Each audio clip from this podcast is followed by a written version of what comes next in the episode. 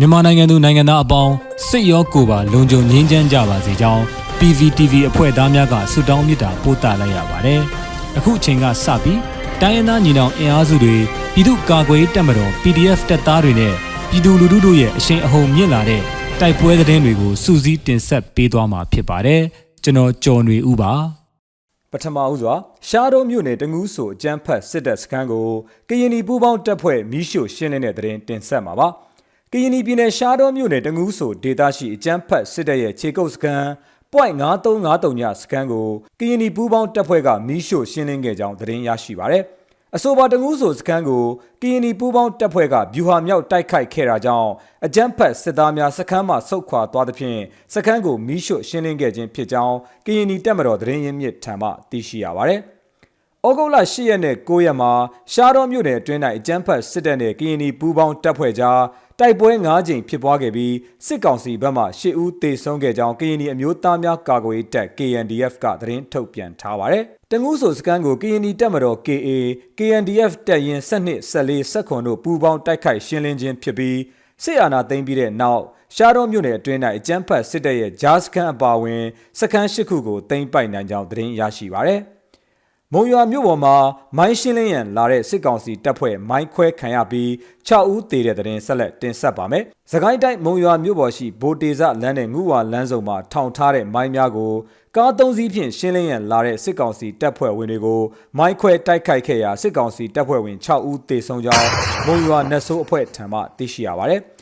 အဆိုပါဖောက်ခွဲတိုက်ခိုက်မှုကိုဩဂုတ်လ20ရက်နေ့ညနေ9:00နာရီခန့်မှာမုံရွာနတ်ဆိုးအဖွဲ့မုံရွာမြို့နယ်ပကဖနဲ့ MPDF မှရဲဘော်များကပူးပေါင်းဆောင်ရွက်ခဲ့ခြင်းဖြစ်ကြောင်းသိရပါဗျ။ဆက်လက်ပြီးဝက်လက်မှာစစ်ရင်တန်းမိုင်းဆွဲခံရတဲ့တဲ့တင်ဆက်ပါမယ်။သကိုင်းတိုင်းရွှေဘိုခရိုင်ဝက်လက်မြို့နယ်မှာဩဂုတ်လ19ရက်နေ့တွင်သကိုင်းမြို့33တပ်မှရွှေဘိုဘက်သို့ထွက်လာတဲ့အကြမ်းဖက်စစ်ကောင်စီတုံးတံပြားကာကာကြီးကိုစီ အယ်ဖာတစည်းတို့ကိုလှတော်ကျေးရွာနဲ့မင်္ဂလာရေစင်ကျေးရွာအကြားမှာပရိသာမိုင်းများဖြင့်စုစုပေါင်း၄ကြိမ်အဝေးပြစ်ရှော့တိုက်ဒရုန်းဖြင့်တစ်ကြိမ်ဖောက်ခွဲတိုက်ခိုက်ခဲ့ပြီးတေဆုံးမှုနဲ့ထိခိုက်ဒဏ်ရာရရှိမှုရှိနိုင်ကြောင်းဒေတာသတင်းရင်းမြစ်ရွှေဘိုမြို့နယ်သတင်းအမှန်ပြန်ကြားရေးထံမှသတင်းထုတ်ပြန်ပါတယ်။အဆိုပါတိုက်ခိုက်မှုကိုဝက်လက်မြို့နယ်အနောက်ချမ်းရှိဒေသခံပြည်သူ့ကာကွယ်အဖွဲ့များနဲ့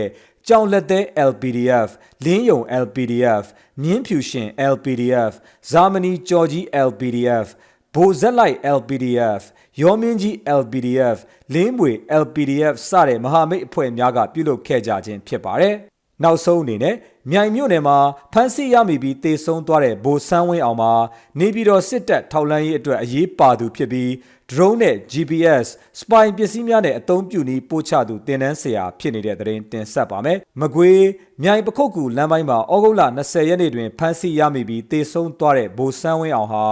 နေပြည်တော်စစ်ကောင်စီရဲ့ထောက်လှမ်းရေးအတွက်အရေးပါသူဖြစ်ပြီး drone နဲ့ GPS တင်နန်းများပို့ချသူ spy ပစ္စည်းများနဲ့တင်နန်းပို့ချသူဖြစ်ကြောင်းသိရှိရပါတယ်။ဩဂုတ်လ20ရက်နေ့မကွေးတိုင်းမှာစစ်ကောင်စီကစေလွတ်လိုက်တဲ့စစ်ထောက်လှမ်းရေးဘိုဆန်းဝင်းအောင်ကို မြိုင်ပကုတ်ကူလမ်းပိုင်းတွင်ဖမ်းဆီးရမိပြီးခုခံတာကြောင့်ပြစ်ခတ်ဖမ်းဆီးရမှတေဆုံးခဲ့ပါတယ်။တေဆုံးသူဘိုဆန်းဝင်းအောင်ဟာကြာအင်းစိတ်ကြီးအမှတ်32ခြေလင်တက်ရင်မှဖြစ်ပြီးထောက်လန်းရေး drone နဲ့ spy ပစ္စည်းများအသုံးပြုနေတင်တဲ့များပို့ချနေသူဖြစ်ကြောင်းတခင်ကြီးစံ vlog အမည်ဖြင့်လူမှုကွန်ရက်တွင် page ဖွင့်ကာ drone spy ပစ္စည်းများရောင်းချခြင်း ကင်မရာများရောင်းချခြင်းများလှုပ်ဆောင်နေသူဖြစ်ကြောင်းအသုံးပြုနည်းများကိုတင်နန်းပေးနေသူဖြစ်ကြောင်း၎င်းကစစ်တပ်မှအရာရှိဖြစ်တာကိုဖုံးကွယ်ထားခဲ့ကြောင်းသိရှိရပါတယ်။ဗိုလ်ဆန်းဝင်းရောက်ဟာပြည်ဦးလင်စစ်တပ်ကတော်အပတ်စဉ်58ကျောင်းဆင်းဖြစ်ပြီး2016ခုနှစ်ဒီဇင်ဘာလတွင်ကျောင်းဆင်းခဲ့သူဖြစ်ကြောင်းသိရှိရပါတယ်။မြိုင်ပြည်သူ့ကာကွယ်ရေးတပ်ဖွဲ့ကလည်းတည်ဆုံးသူဟာစစ်ဝစ်စုံဝစ်စင်ထားတဲ့ဓာတ်ပုံပါသူမှန်ကန်ကြောင်း